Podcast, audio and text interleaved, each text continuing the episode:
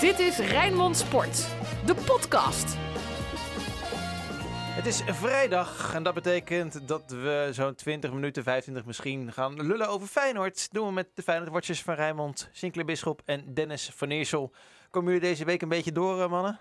Zo'n Feyenoordloze week? Nou, er is gewoon heel veel voetbal met en de Interlands, maar ja, ook Excelsior en Dordrecht spelen de hele week gewoon door. Nou, dan is er ook nog veel nieuws. Er zijn oefenwedstrijden, dus uh, ja hoor. Maar allemaal leuke Hongarije, IJsland, maar het is uh, niet gelijk aan Feyenoord Emmen of zo. Toch? Laten we duidelijk zijn. Niet echt, hè? Nou goed, we gaan lekker praten over Feyenoord en gelijk een beetje ook over interland uh, voetbal. Uh, alles uh, komt te sprake in de, komende, in de komende 20 minuten ongeveer. Bloed, zweet, geen woorden maar daden. Alles over Feyenoord. Smile like Sinisterra, jongens. Dat is uh, de hashtag die we hebben gezien uh, deze week. Hij heeft geen hoogtevrees. Nee, hè? Bovenop de Maassilo, 40 meter hoog is dat, denk ik. Heeft hij ook in die helikopter gezeten? Ja, hij heeft ook wel een keer in de helikopter ja. gezeten. Ja. Dus wat dat betreft... Uh, nee, leuk voor hem dat hij... Uh, de, optie, de optie is gelicht waardoor hij langer aan Feyenoord verbonden uh, Tot blijft. 2023. Ja, en dat is denk ik voor beide partijen goed. Hij, omdat hij toch na een lange blessure is het nog maar altijd de vraag hoe je terugkeert. Hè? Dat weet je nooit.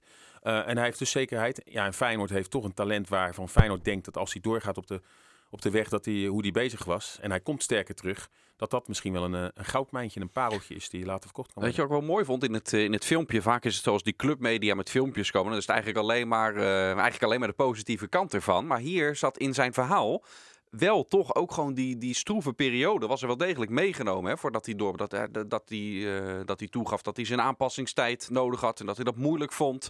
Uh, maar dat hij daar doorheen gekomen is, vond ik wel. ik vond het mooi, mooi, mooi open verhaal. Dat is ook wel logisch toch? Je ziet zelden een Zuid-Amerikaan die er direct staat. Ja, echt heel weinig. Hè? Uh, en dat is ook logisch. Die aanpassing heb je echt nodig. Ook in, daar gaan we op, op Feyenoord toespitsen. Want je kan ook, uh, bij Ajax heb je ook gezien met Neres en alles. Maar bij Feyenoord met Kroes, die kwam ook pas toen Beenhakker instapte.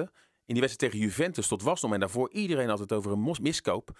En dat hebben we wel vaker gezien met Brazilianen en, en, en, en Argentijnen. Dat dat toch altijd even de tijd nodig had om te ac acclimatiseren. Uh, nou, bij PSV met Romero, die is nog altijd niet geacclimatiseerd. dus dat, nee, maar dat, dat, dat heeft kan echt ook wel... mee te maken dat die niet zo goed is, hè? Nou, weet je niet. Hij was in Argentinië, was dat wel een, een van de grotere talenten. Uh, hij kwam van Vélez Sarsfield, dus is geen uh, verkeerde ploeg.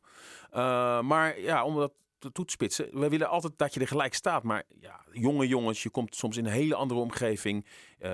dan, is, dan is begeleiding ook heel erg belangrijk. En de vraag is of dat bij clubs soms wel uh, uh, soms goed geregeld wordt. Ja. Hè? En zeker als er spelers bij zijn die dan nog niet bij de eerste elf zitten. Ja, want dat is bij Feyenoord ook nog eens extra lastig. Hè? Want uh, Sinclair, jij, jij bent er ook vaak genoeg bij geweest. Zeker bij die wedstrijden van Feyenoord 2.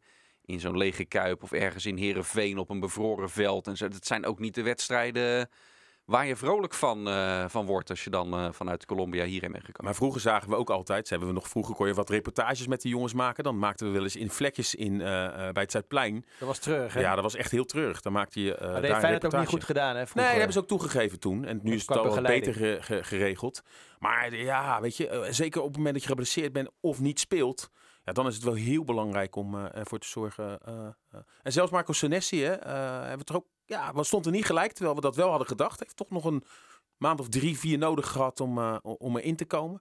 Dus wat dat betreft moet je dat niet onderschatten. En niet vergeten dat uh, Sinisterra een aankoop is geweest van Martin van Geel. Hè? Misschien wel zijn verrassendste aankopen, denk ik, voor 2 miljoen euro ongeveer. Ja, een van de latere aankopen van, van hem. van een van, ja, een van de laatste aankopen nog. Hij had even wat tijd uh, nodig, maar het was, het was veelbelovend wat hij, uh, wat hij liet zien hè, in die uh, Nou, opvallend, omdat we natuurlijk alleen maar tussen aanhalingstekens bord op schoot scouting was. En altijd kenden we de aankopen, misschien buiten Jurgensen.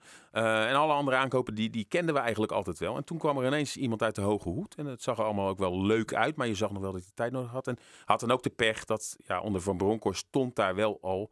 Uh, ja, je gaat Sam Larsson, uh, die je dan net gehaald hebt, ga je natuurlijk niet zomaar eruit gooien. Dus hij had natuurlijk ook wel de pech dat er toen jongens stonden die uh, ja, in de pikorde net nog boven hem stonden. Gaat hij nou straks als linksbuiten spelen of meer in de spits?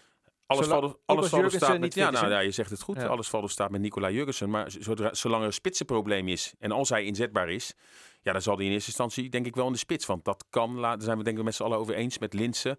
Uh, het is echt een noodverband. Ja. Wat je eigenlijk zo snel mogelijk eraf wil halen. Uh, maar ik vind Diemers als, als linksbuiten ook niet een... Maar de uh, laatste weken is dat dan niet meer echt het geval. Hè? Nee. Uh, het hap staat er natuurlijk nu. Uh, maar ja, als dadelijk Jurgensen fit zou zijn, ja, dan denk ik dat misschien wel Linse zich ook zorgen moet maken om die linksbuitenpositie. Als Sinistera helemaal fit en goed terugkomt. Hè? Want dat, ik, ik kan me voorstellen dat ze daar ook, uh, zeker met het overvolle programma, geen risico mee gaan nemen als hij daar ook weer gaat spelen. Dat, dat ze dan ook wel eens een wedstrijdje laten overslaan. Maar dit seizoen wijst natuurlijk al uit. Kijk, ja, deze discussie heeft eigenlijk niet zoveel nut. Want uh, uh, na één week kan die alweer achterhaald zijn. Dat bewijst dit seizoen ook alweer. Hè? Want, want nu gaan we ervan uit dat Jurgensen dan al die wedstrijden fit blijft en gaat blijven spelen. En ook dat hij. Uh, uh, maar dat is natuurlijk niet zo. Dus al die namen die we nu uh, noemen, die gaan, die gaan echt wel hun minuten krijgen en aan, uh, aan, aan bod komen. Ja, dan zal Linsen een keertje op de bank beginnen. En de week daarna is er iemand geblesseerd en dan, uh, dan start hij weer. Of het is bij Feyenoord een keer een corona-uitbraak. Dus ja, ik kijk er dit seizoen wat, uh, wat anders naar. Naar die, uh, die bezettingen, naar hoe de basis van Feyenoord er, uh, eruit ziet. Jurgensen, Jurgensen deze week ja, wel zijn rentree ja. gemaakt. 60, minu 60 ja, minuutjes. Dat vind ik wel uh, hoopgevend, omdat we uh, hè, uh, toch nog meer dan een week hebben weer de competitie begint. Nou, dan kan je je wel voorstellen als hij nu al 60 minuten kan spelen in een oefenduel, dat hij in de komende weken die heel belangrijk gaan worden, hè, met wel of niet kwalificatie in Europa, toch voor de winterstop proberen het gat met Ajax of te verkleinen of zo te houden, dat je met die vele wedstrijden wel gebruik van hem kan gaan maken, mits hij natuurlijk weer geen terugslag krijgt. Maar ik vond wel hoopgevend, want daar werd wel met schimmer over gedaan. De verwachting was dat hij nog wel wat langer eruit zou zijn. Maar als een speciale oefenwedstrijd wordt uh, belegd waar hij dan zijn minuten heeft gemaakt. Nou, Sinistera zit ook in zijn eindfase, komt er mogelijk ook ja. uh, uh, aan. Daar is nog wel heel veel discussie over van hoe moet je hem nou gaan brengen. Je doet het nooit goed, hè? Want uh, elke wedstrijd kan er net één te vroeg zijn dat je hem brengt. Ja. Dus daar moet je mee oppassen. Maar daarom zegt het natuurlijk wel wat dat Sinisterra in deze oefenwedstrijd nog niet ook, net zoals Jurgensen al zoveel uh, minuten heeft gemaakt. Dus ze zijn voorzichtig met hem. Had ook echt, echt wel een ander soort blessure. Eentje waarmee je ook voorzichtig moet zijn. Ja, ja uh, heeft er ook mee te maken dat hij een lichte terugslag had gehad. Ja. Hè? Uh, met een lichte. ja, maar hems... daarom als dit dan te vroeg is. Het was natuurlijk misschien een ideaal ja, moment ja, in zo'n oefenwedstrijd. In plaats, in plaats van invallen. Uh, in de eredivisie al, al, al gelijk. Uh, maar misschien gaat er later nog wel een oefenpot voor hem komen als de tijd ja, want dat is de, rijp is. Dat is nu de pech. Dat er ja, eigenlijk geen enkel podium is om wedstrijdritme op te doen. Hè. Ja, dat moet dan in een interlandperiode in een schimmige oefenwedstrijd. Want ja, jong speelt niet. Je kan niet tegen amateurs oefenen. Dus je moet het dadelijk toch echt van de wedstrijden hebben om dan maar ja. te zien hoe of wat. In blok 3 zit geen ruimte om voor een extra oefenwedstrijd in te plannen hoor Dennis. Nee, maar nee. Ook, ook, ook, ook, trainen doe je nauwelijks. Hè. Met dat overvolle programma is het vaak gewoon één dag gericht trainen. Nou, daar ga je ook niet uh, allerlei frats uithalen.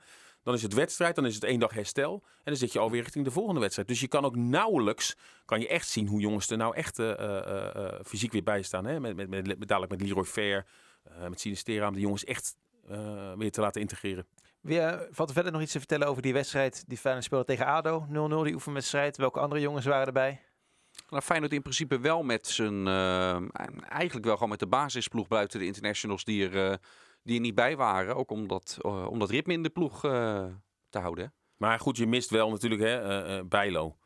Malasia, die als basisspeler is genoemd. Ja. Berghuis. het scheelt natuurlijk al slok op een bol. Dan zijn er ook nog wat jongens. Ja. Spajic, die wat, die, rust hebben. Die telde ik voor het gemak even mee met de, de international. Want die zouden anders ook weg, weg geweest zijn. Hè? Nee, klopt. En, en, en, en, ja, dan, dan zijn het oefenwedstrijden. Het zegt maar nooit zoveel. Het is voor die jongens leuk om, om, om in ieder geval een wedstrijd te spelen. Dat je anders stilstaat. Ja, het vervelende voor Feyenoord is wel... Ja dat er, er toch uh, spelers... Feyenoord heeft niet al te veel internationals nu deze uh, uh, interlandperiode. En dat het dan wel al eigenlijk drie geblesseerd afhaken. Hè? Met Bijlo dan iets ervoor. Malasia tijdens de trainingskamp van Jong Oranje. En nu dus ook Kukcu. Ja, dat, dat, dat baart toch Enig idee hoe ernstig het is? Nou, Bijlo, daarvan hoopten ze hè, dat hij met één week rust... dat hij straks wel weer kan aanhaken. Misschien wel nog niet in die eerste wedstrijd bij Fortuna... Maar daarna uh, zou die uh, wel weer uh, erbij moeten zijn.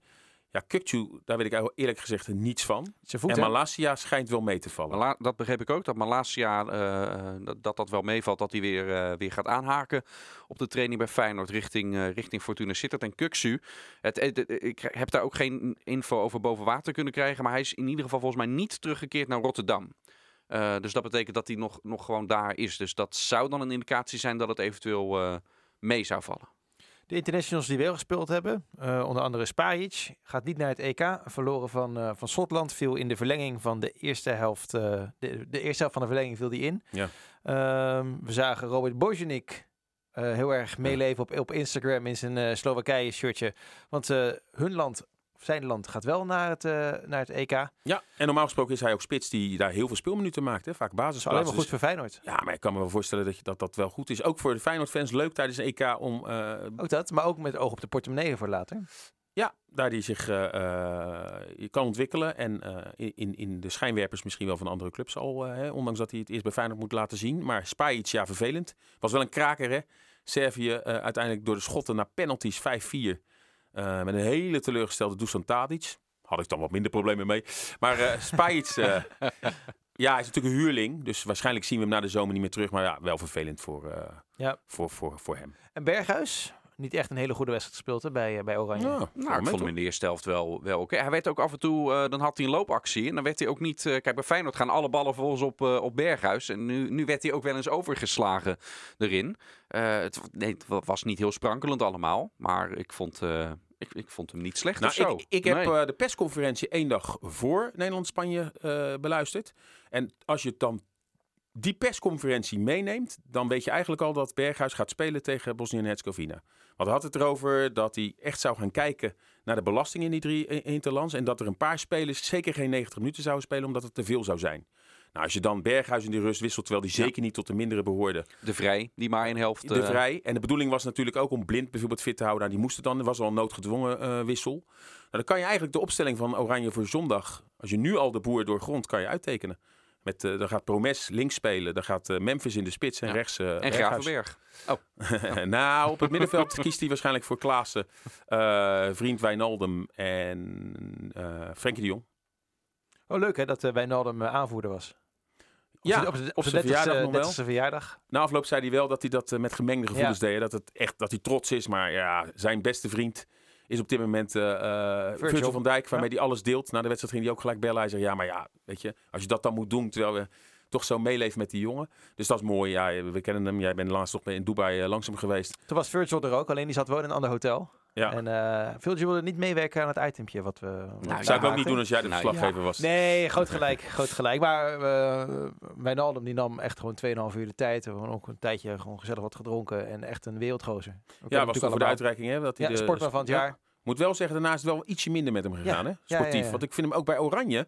Misschien komt het ook door de bon, eh, Bossel, Ja. bondscoachwissel. Vind ik hem niet meer zo dwingend en belangrijk Ja, eh, hij in was- het veld. Als je Hij die hing award, echt aan Koeman, Als hè? je die Hij- award met je mee moet dragen, dat ding woog natuurlijk ook 15 kilo. Dat, Ja. dat speelt ook niet Ja, lekker. hij moest ook extra bagageruimte ervoor kopen. maar maar ik kan heb het idee dat hij dat wel kon betalen. Kan, kan hij wel een speler zijn die het echt van vertrouwen moet hebben? Klopp heeft heel veel vertrouwen in hem. Hè? Koeman had het ook heel erg. Koeman had het ook heel erg. Dat dat belangrijk is. En, eh, want onder blind.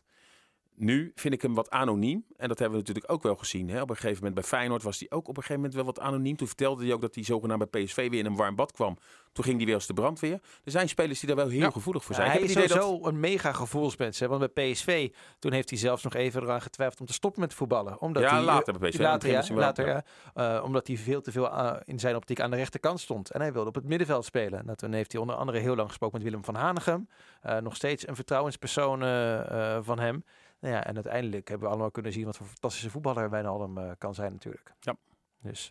Ehm, Polen trouwens bovenaan in de groep hè, van Nederland. 4 gespeeld 7, Italië 4-6, Nederland 4-5 en Bosnië 4-2. Dus eh, Ja, het geldt voor alle drie die ploegen. Twee keer winnen en je bent er. Ja. Eh, dus als Nederland eh, wint van Polen eh, en van Bosnië, dan zijn ze er. Ja, en de winnaar van groep 1, die mag dus de finals van de Nations League organiseren. Dat betekent dus dat we mogelijk ja, een wedstrijd in de Kuip gaan krijgen. Dat zou een goede zaak zijn. Is nog niet gezegd dat Nederland dan ook in de Kuip acteert. Ik snap eigenlijk niet nu dat er niet sowieso al een beetje eh, gewisseld wordt. Hè. Nu zijn er twee interlands in Nederland deze week. Dan zou je kunnen zeggen, eh, eentje in Amsterdam, eentje in Rotterdam. Maar dan worden ze allemaal in de arena. Er is geen publiek, dus de kroketten, het verhaal over de koude kroketten gaat nu niet meer op. Over de logistiek gaat ook niet meer op. En dan denk ik, ja, je hebt en eh, de goede grasmat, waar de spelers eh, blij mee zijn. Maar ook gewoon, ik zou ook gewoon, eh, ja, ondanks, het ligt gewoon, ik denk dat het toch wel gevoelig bij heel veel mensen in het land ligt. En zeker in Rotterdam dat het zo'n hele Amsterdamse kliek weer lijkt te gaan worden. Niet alleen qua selectie, maar ook dat nou, die wedstrijden daar worden gespeeld. En die argumenten gaan dus nu niet meer op waarom die wedstrijden altijd in de arena moesten. Nee, ze zeggen omdat het daar meer coronaproof is. Ja, je Maar- kan, je kan altijd een argument. Hoe kan, hoe kan dat nou? Wat is nou coronaproof? We zien toch bij Feyenoord dat het, Het alles... enige wat ik me kan voorstellen eh, is dat eh, de ruimte voor de persconferentie daar een stuk groter is. Er mogen er- maar eh, 16 journalisten in Ja. totaal, terwijl er 50 of 80 er in kunnen. maar als je En nu Feyenoord, is, en Feyenoord, is uitgewijkt, Feyenoord. Feyenoord is uitgewijkt naar een andere ruimte. Hè, om aan die UEFA eh, en FIFA-eisen te voldoen qua persco. Dus dat, eh, Ja, als je Ja. Feyenoord CSK Moskou eh, in goede banen kan leiden, eh, waarom dan niet ik vind het een goede Frank de Bosnië? Boer-impressie van je hoor. Ik bedoel, En Edwin, Evers kan hier een puntje aan, eh aanzuigen. Zeker. Want Frank de Boer die, die praat ook alles recht wat, eh, wat krom is. Over Bijlo zegt Ik hij, nou, hij probeer- moet het eerst langere tijd Ja, laten zien. op. En vervolgens selecteert hij De- Denzel Gravenberg, Gravenberg, die nog maar- nat achter zijn oren eh, is. Ja, Dus Botman die hij zelf echt niet gezien heeft. Hij hoort alleen dan waarschijnlijk van wat eh, eh, krantenberichten. Dan ziet hij dat die jongen het daar goed doet. Ja, En dat kan allemaal, maar, maar wees er dan eerlijk over. En ga dan niet bij een andere situatie lopen en zeggen... nee, we hebben het over het Nederlands zelf. Toen Nee, moet het eerst langere tijd maar- laten zien. Dat sloeg natuurlijk helemaal nee, maar nergens dat is wel trainer-eigen. Hè. Dat zien we ook, eh ook bij Feyenoord met Dick Advocaat. En, en noem alle trainers, die praten altijd... Hebben ze argumenten als het ze uitkomt. En diezelfde argumenten, die kan je net zo goed eh, eh, ze opwerpen op het moment dat het niet zo is. Ja, dat- ja, trainers praten vaak hun straatjes schoon. Elke trainer en ook Frank de Boer.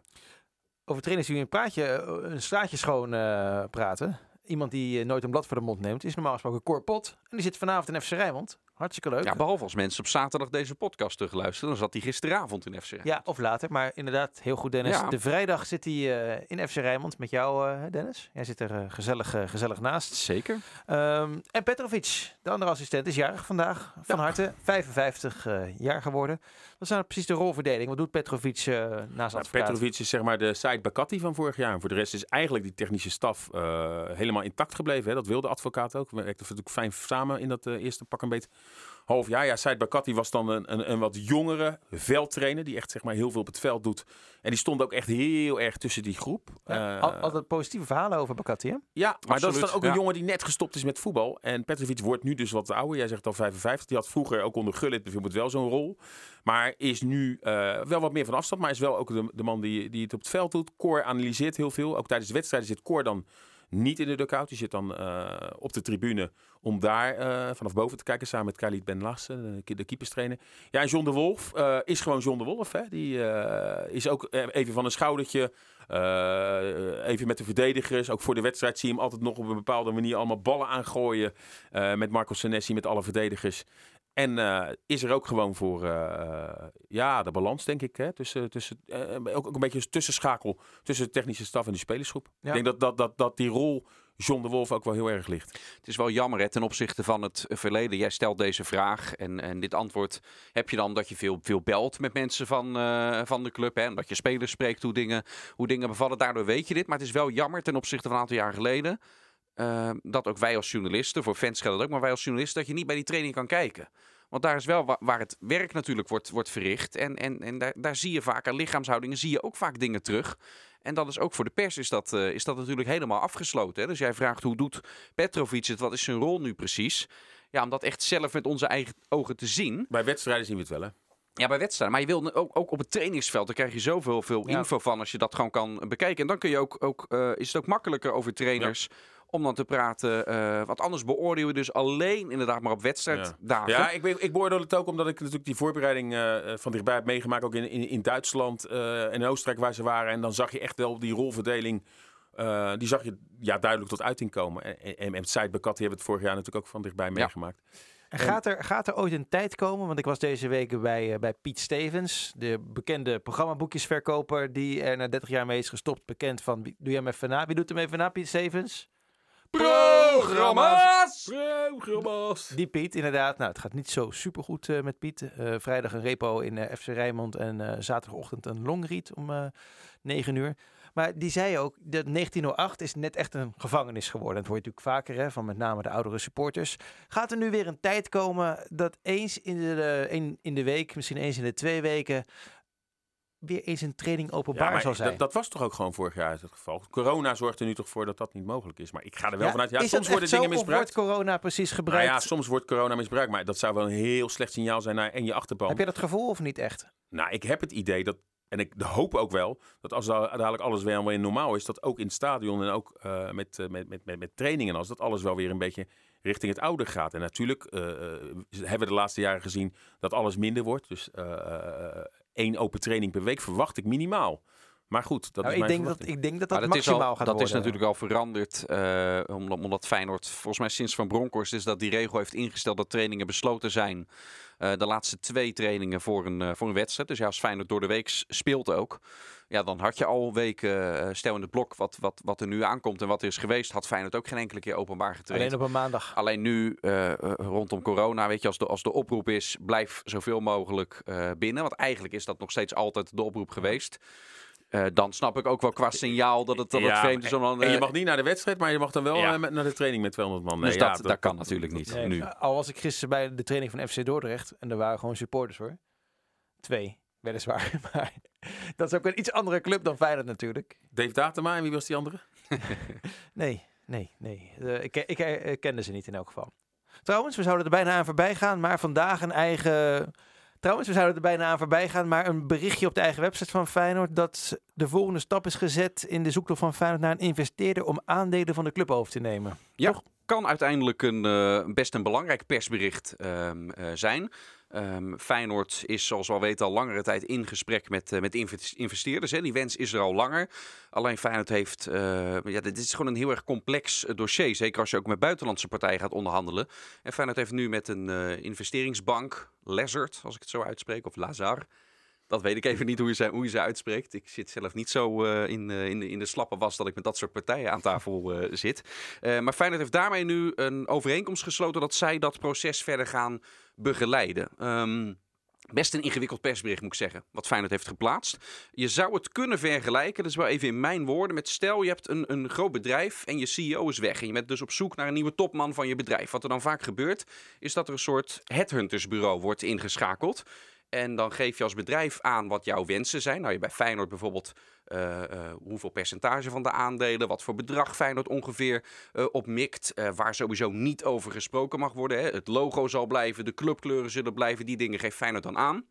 En dan gaat in dit geval deze bank gaat bekijken, oké, welke partijen zijn er nou geïnteresseerd in die aandelen van Feyenoord? Voldoen ze aan de wensen van Feyenoord? Is het antwoord nee, kunnen ze al sowieso van de lijst af. Hoe Feyenoord dat niet zelf te doen.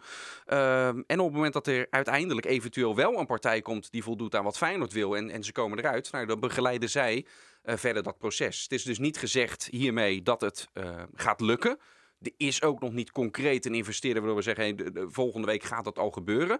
Maar dit is wel denk ik een belangrijke stap voor Feyenoord eh, om maar weer eens aan te geven dat nu ze de coronacrisis een beetje op orde beginnen te krijgen. eh, van nee, ze willen er echt wel serieus werk van maken dat er zo'n externe investeerder eh, komt. Ze hebben nog iets vergeten, mannen, aan het, eh, aan het eind van de podcast. We zitten lekker op 20 minuutjes. Doen we nog een Feyenoord van de week, ook al hebben ze niet gespeeld? Kan hem erin gooien hoor, als je er eentje hebt. Feyenoord heeft toch eh, afgelopen weekend wel gespeeld? Nou, dan gooi ik hem toch even in, eh, Sinclair. Het lijkt alweer een eeuwigheid geleden, maar daar komt hij. De Feyenoorder van de week. Nou, Ik ga voor Lucero Geertruida. Die eh, ja, toch ook eh, bewijst eh, te scoren. Want dat heeft hij vorige week twee keer gedaan. Lucero Geertruida. ook tegen Moskou, hè, voor de Ja, duidelijkheid. tegen Moskou. En in eh, de laatste eh, gewonnen wedstrijd. Tegen Groningen Thuis 2-0. tegen Groningen. Dus ik ga voor Lucero Geertruida. Nou, als we die wedstrijd dan nog, nog meepikken, dan eh, kies, ik deze, eh, kies ik Nick Marsman een keer. Als je twee minuutjes voor de wedstrijd hoort dat je erop moet, je houdt volgens de nul, één belangrijke redding ook nog erbij. Prima joh, is, Ja. is die Feyenoorder van de week. Hoe lang hoor eh, jij altijd van tevoren over erop moet? ik of moest- mag? ik moest ook lachen, maar, Nou, dat bepaal ik zelf wel. maar de man draagt hij de kroon. Nou, ik zou zeggen Louis Sinisterra. Dan heeft hij ook een, eh, een mooi weekend. Een hart onder de riem. eh, Zoals Feyenoord hem ook een hart onder de riem heeft eh, gestoken. Zo is het. Gaan we dit eh, weekend doen, mannen? Zijn we vrij nu, eh, nu Feyenoord niet speelt? Ja, maar er is wel veel voetbal. Hè? Met, eh, ik ben toch ook benieuwd door het graafschap. eh, het eh, Johan Versluis effect. Je hebt Nederland Het tegen Ben Kins, ben Kins effect, hè? Ja, nou die is er weer niet bij. Jawel, jawel. jawel. Ben Kins is, eh, is hersteld van eh, de ziekte die we niet mogen noemen wegens AVG. Dus dan weet u wel hoe laat het is. Die mag Oh, gewoon oké, op dus de Ben bankje Kins Nee, maar jij mag dat wel noemen. Dat is ook zo'n mis, zo, zo misvatting. Jij mag dat wel noemen. Maar alleen zijn, alleen noemen. zijn werkgever mag het niet noemen. Diegene zelf mag het zeggen. Jij mag het ook zeggen. Alleen zijn werkgever mag het niet melden. Ah, nou ja, hij was een beetje verkouden. Helemaal goed. Bedankt voor het luisteren. En een eh, heel fijn Feyenoordloos weekend. Maar aankomende maandag zijn we weer met een podcast. We zijn er vrijdag mm, dus met FC Rijnmond. Een longriet staat eh, voor u klaar. Dus eh, bedankt voor het luisteren en eh, tot de volgende keer. Dit was Rijnmond Sport, de podcast. Meer sportnieuws op Rijnmond.nl en de Rijnmond app.